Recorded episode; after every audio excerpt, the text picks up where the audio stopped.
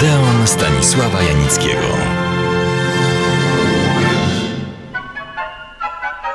Przed tygodniem opowiedziałem, przypomniałem Państwu pierwsze lata życia twórczości wielkiej kariery filmowej Moniki Witti. Wspaniałej, oryginalnej, fascynującej, last but not least, pięknej, urodą nietuzinkową aktorki i kobiety. To rozdzielanie aktorki i kobiety jest zwyczajowe, bo przecież chodzi o tę samą osobę. Mówiąc sucho i książkowo, rozstała się ona z tym, który uczynił ją sławną i z którym spędziła, będę równie górnolotny, co sentymentalny, najpiękniejsze, nie tylko twórcze, lata swego życia. Filmem w jakiejś mierze pożegnalnym była Czerwona Pustynia. Oboje, to znaczy Monika Vitti i reżyser Michelangelo Antonioni zdali sobie sprawę z tego, że ich drogi twórcze się rozchodzą. A co za tym idzie, ponieważ bardzo mocno związani byli pracą filmową, również ich wspólne życie osobiste. Choć kto to może wiedzieć, jaka była ich prawdziwa, może bardzo intymna przyczyna rozstania. O tym, jak potoczyły się losy jednego z geniuszy sztuki filmowej, Michelangelo Antonioniego, już Państwu opowiadałem. A co się działo z Moniką Vitti? Wspomniałem już przed tygodniem, że, zresztą zacytuję, co powiedziała, chcę po prostu śmiać się, bawić publiczność, dowcipkować, być inną Moniką. Jestem spontaniczna, kieruję się w życiu emocjami, mam wyjątkową łatwość nawiązywania kontaktów z ludźmi. Po sukcesach przygody, nocy czy zaćmienia odnosiła sukcesy na scenach. Często zapomina się, że była również znakomitą aktorką teatralną. Ale ona postanowiła prezentować, wcielać w grane role filmowe swój charakter, swój temperament, swoje umiłowania.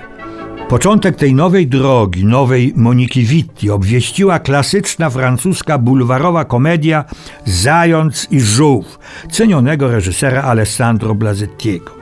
Ci, którzy film zobaczyli, uznali jednogłośnie, że Monika Vitti, cytuję, z dużą dozą inteligencji i niepohamowaną żywiołowością zagrała Madeleine, sprytną żonę, która z kobiecą przewrotnością odbija kochance swego własnego, acz niewiernego męża.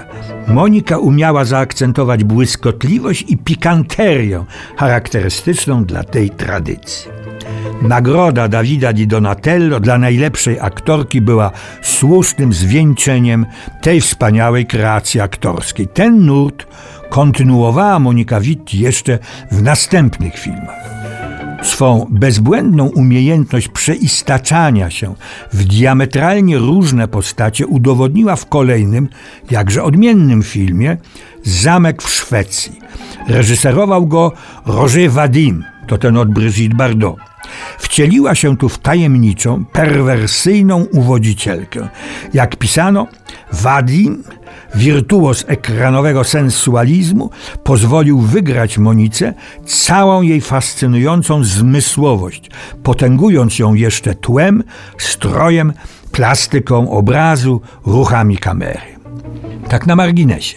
Operatorem, czyli autorem zdjęć do wspomnianej już czerwonej pustyni Antonioniego i Moniki Vitti, był od lat uznany za jednego z największych mistrzów kamery Carlo Di Palma, operator uniwersalny.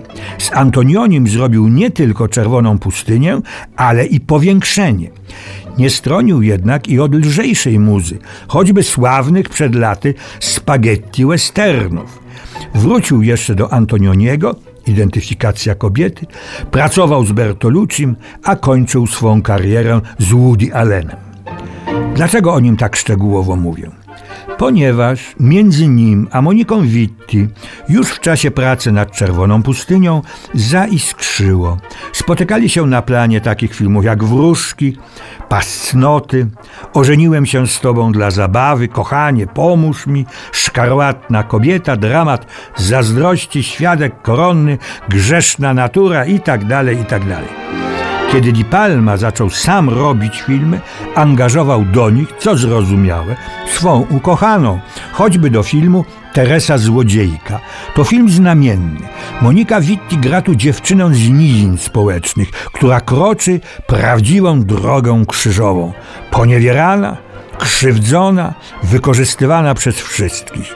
Kończy swój los jako stara, zgorzkniała, załamana kobieta.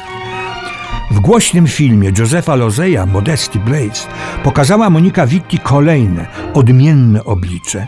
Jest tu Bondem w spódnicy. Czyniono takie przeciwstawienia.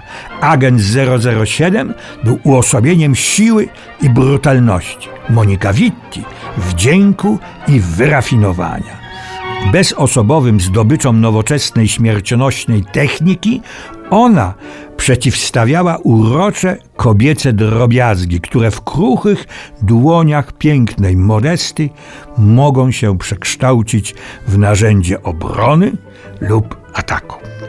Lozej w swoim filmie, którego główną bohaterką jest postać z komiksu, zamierzał ukazać mechanizm gwałtu i przemocy naszego świata. Jednocześnie rzeczywistość uformowaną przez stereotypy i wyobrażenia kultury masowej, filmy i komiksy. Jednocześnie był ten film wyborną zabawą, wysmakowanym i przemyślanym pastiszem, fajerwerkiem humoru i fantazji. Dosłownie. Reżyser zmienia nastroje i tonacje poszczególnych sekwencji równie błyskawicznie jak Monika Witti swoje olśniewające kostiumy. A o tym, co myślała o tym wszystkim, to znaczy o życiu, pracy aktorskiej, mężczyznach i innych okolicznościach, opowiem Państwu za tydzień. Serdecznie zapraszam.